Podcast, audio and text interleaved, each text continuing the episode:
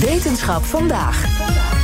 Met vandaag de vraag der vragen. Want wat was er eerst? De kip of het ei? Onderzoekers die hebben gekeken naar hoe de allereerste reptielen en vogels hun jongen ter wereld brachten.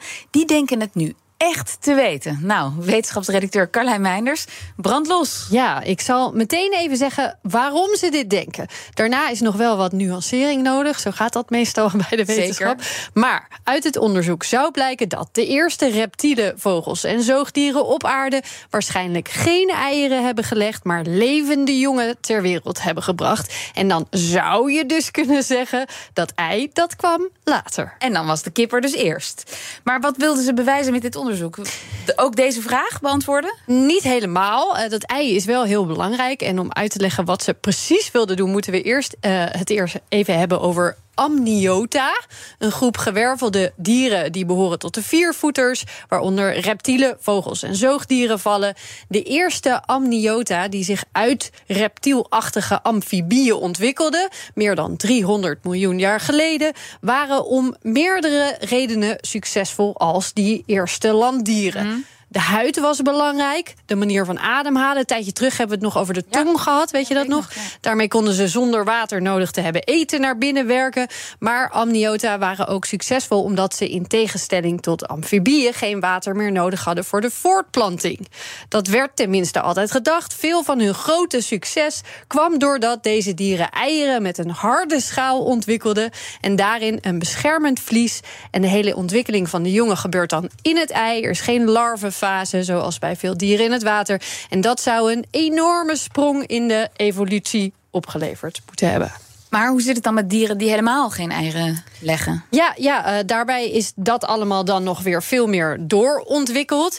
En wat hebben ze nou in dit onderzoek gedaan? Ze hebben gekeken naar 51 fossiele soorten en 29 nog levende soorten. Deze dieren konden dan weer onderverdeeld worden in twee categorieën: ovipare dieren die eieren maken en vivipare dieren waarbij het embryo in het lichaam ontwikkelt zoals bij ons. Wat ze toen aan hun data konden zien was volgens de onderzoekers dat alle belangrijke evolutionaire takken van die amniota, hagedissen en verwanten, dino's, krokodillen, vogels, allemaal tekenen lieten zien van het baren van levende jongen en van nog een ander indrukwekkend trucje. Namelijk? Extended embryo retention. dat is wanneer de jongen langer of korter door de moeder in het lichaam gehouden worden, afhankelijk van de omstandigheden.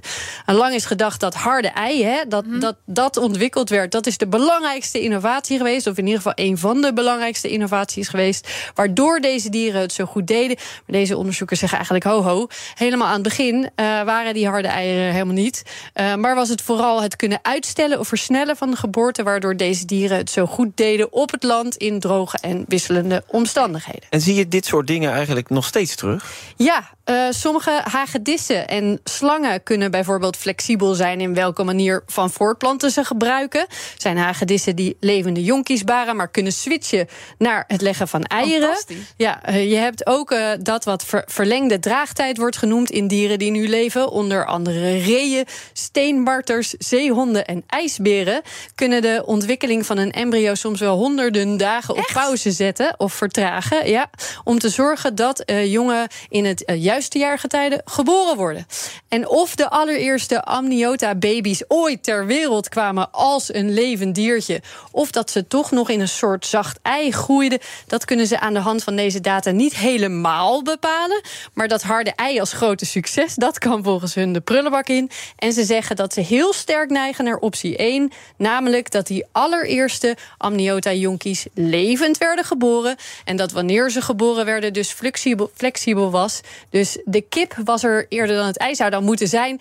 De amniota Ja. waren er eerder dan het ei. Maar goed, voor de sake of the argument, een puntje voor de kip. Dan maar. Kip heeft gewonnen. Dankjewel, Carlijn Meinders. BNR Headlines. De hele dag binnen- en buitenlandse politiek. In Nederland hebben we geen munitiefabrieken. De hele dag economie. vijf dagen in de week bezorgen. Dat kan niet uit.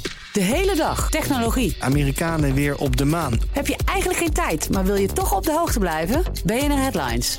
Het laatste nieuws, maar dan in het kort. Ga naar je podcast-app en abonneer je op BNR Headlines.